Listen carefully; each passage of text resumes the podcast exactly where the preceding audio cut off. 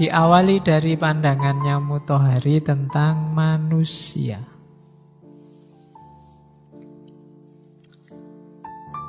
Manusia itu ada dua levelnya. Kita ambil dari yang simpel-simpel dulu. Ada level basar, ada level insan. Makanya Nabi di Al-Quran kan ada ayat Kul innama ana basyarum mislukum. Basar itu manusia level being. Jadi level apa adanya. Tidak positif, tidak negatif.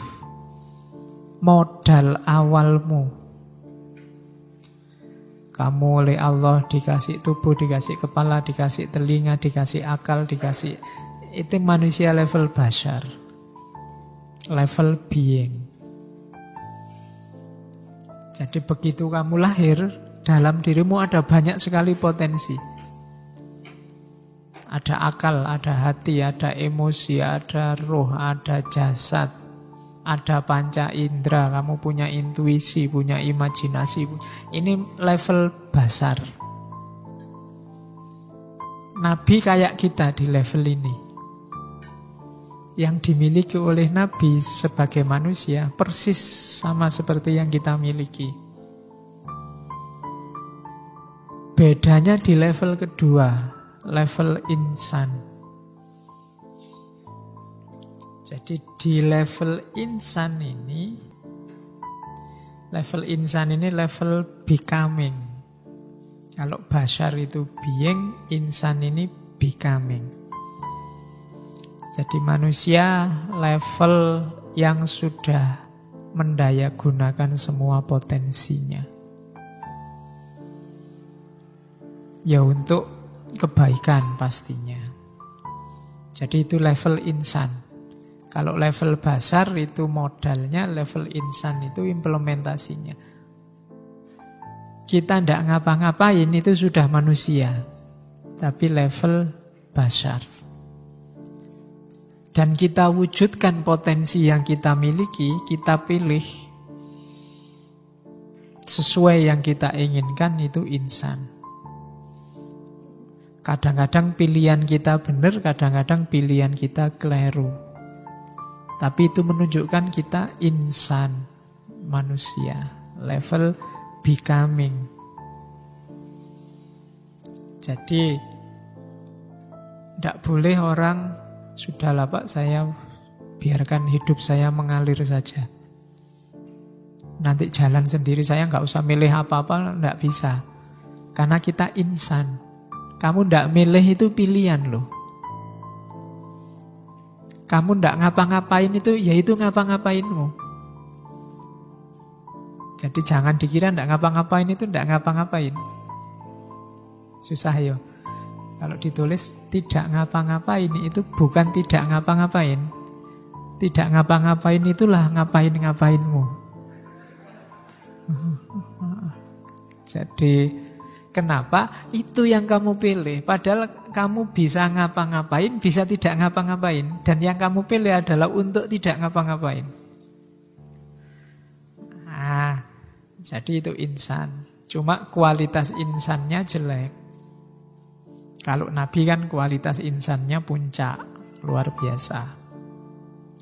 Jadi yang pertama itu ada dua level manusia, ada manusia level basar, manusia level insan. Ini wadahnya dulu kita omongkan manusianya sebelum nanti melakukan gerakan sosial. Nah, untuk jadi insan kita harus belajar falsafah sejak dari penciptaannya Adam. Nah, Tadi di level basar itu kita punya dua variabel utama. Manusia itu diciptakan dari tanah, mintin, dari lumpur. Itu nanti aspek fisik kita.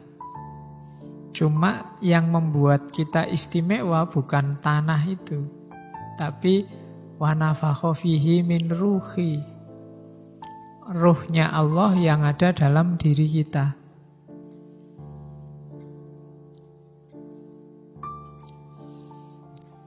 Jadi pelajaran dari Nabi Adam yang pertama adalah kita dari tanah dan diberi roh ilahi.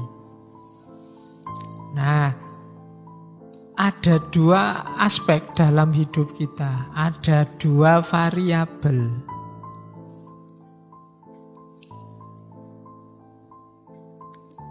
Di level basar saya bilang tadi kita ini netral, tidak ngapa-ngapain.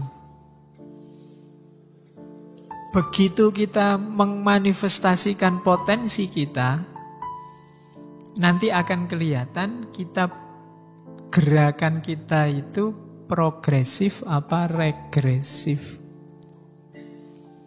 Progresif itu berarti kita bergerak menuju roh ilahi tadi. Ilahi rojiun. Kalau regresif kebalikannya, kita menuju lumpur tadi. Kita jadi asfala safilin. Kalau bahasa Al-Qur'annya. Asfala safilin itu lebih rendah dari yang paling rendah. Kalau kita orientasinya ke tanah itu kan adanya di bawah. Jadi kita jadi insan itu boleh milih, tapi pilihan kita menentukan apakah kita nanti ahsanu takwim apa asfala safilin.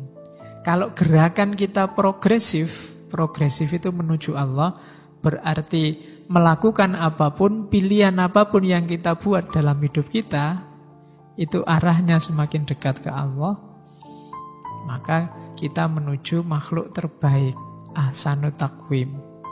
Kalau sebaliknya, menjauh dari Allah menuju lumpur tadi, lempung tadi yang bahan bakar, yang bahan ciptaannya manusia, kita sedang mau menjadi asfala safilin.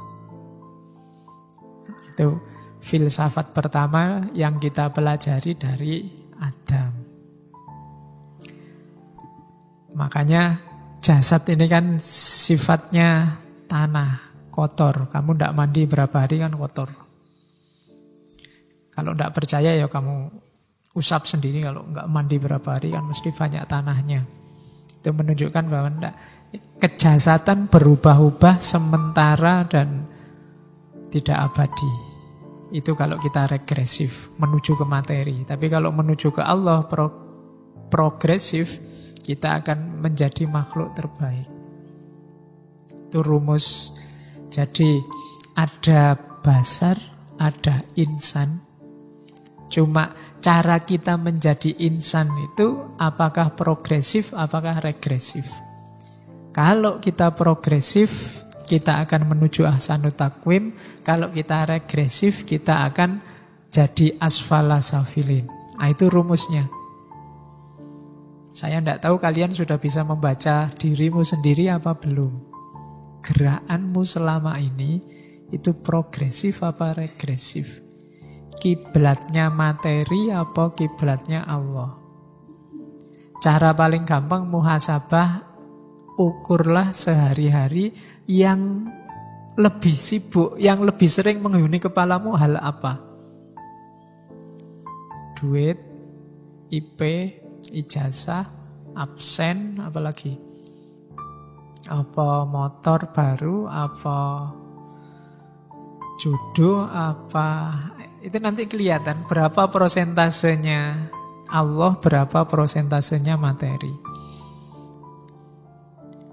Kalau lebih banyak materinya, harus agak hati-hati, jangan-jangan kendaraan kita menuju ke menuju mundur, regresif. Regres itu kan mundur. Kita mau jadi lempung lagi, jadi lumpur lagi. Tapi kalau Allahnya lebih banyak, lu saya kuliah itu ndak ijazahnya Pak nomor satu ijazah cuma efeknya, IP cuma efeknya, nomor satu ilmunya. Kenapa ilmu? Ya karena Allah nyuruh saya nyari ilmu, simpelnya begitu. Itu bagusnya begitu.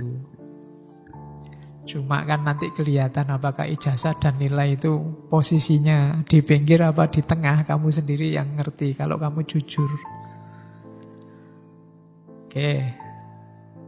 Milih mana?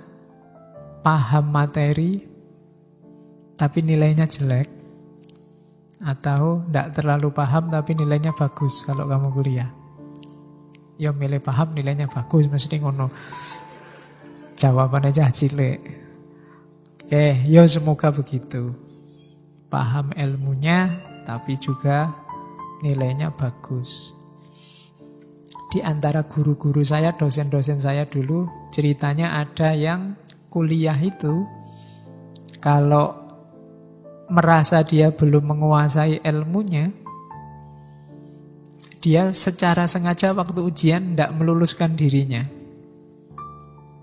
Jawabnya mungkin digawe ngawur, merasa ndak ini saya belum paham benar materi di perkuliahan ini. Jadi jawabnya ngawur terus sehingga ndak lulus. Kalau sudah nggak lulus dia akan ngulang dan dia akan berusaha semoga besok bisa menguasai. Selama belum menguasai dia ndak pengen lulus dulu.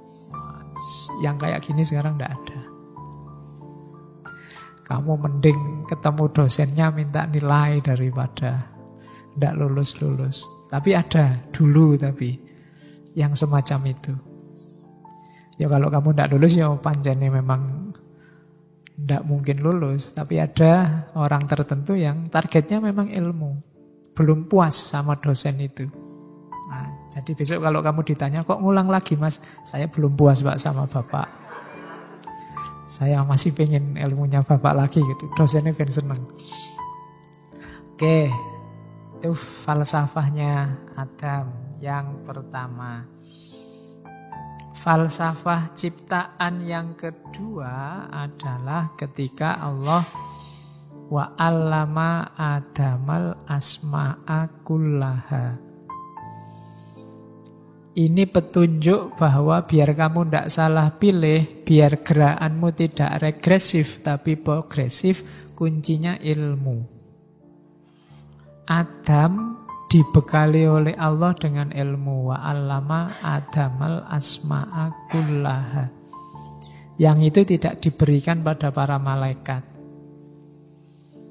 Sehingga ketika para malaikat komplain, Allah ngetes para malaikat, coba kamu jelaskan. Dan malaikat bilang ya, kalau tidak engkau ajarkan ya kami tidak tahu. Terus menunjuk Adam, Adam ceritakan. Adam bisa cerita karena Adam sudah diceritain oleh Allah. Sudah wa allama Adamal asma'a. Menurut saya ini dasarnya saya bolak-balik bilang ilmu itu dari Allah. Kalau Allah tidak ngajari, kalau Allah tidak ngasih, ya kita tidak dapat. Adam itu bisa cerita karena Allah memang sudah ngajari duluan. Malaikat yang tidak diajari tidak bisa. Nah, keunggulan Adam dengan asma, dengan ilmunya inilah yang membuat malaikat terus diperintahkan untuk bersujud. Jadi sujudnya para malaikat menunjukkan keunggulan makhluk yang namanya manusia. Itulah humanisme katanya Ali Syariati. Dan kuncinya ada di mana? Kuncinya ada di ilmu.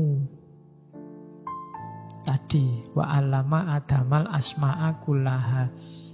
Nanti dalam filsafat ada aliran spiritual yang mencoba melacak al-asma, ilmu yang diwariskan dari Nabi Adam turun-temurun lewat sanat sampai ke para tokoh-tokoh tertentu. Beberapa kali saya sebutkan termasuk Nabi Idris yang dikenal sebagai Hermes, termasuk Pitagoras, termasuk nanti ada silsilahnya, termasuk belakangan ingin dihidupkan lagi oleh Said Hussein Nasr dengan Saintia Sakranya atau hari ini sering dikenal sebagai perennialisme kebenaran yang pasti, yang abadi. Yang itulah dulu al-asma akullaha.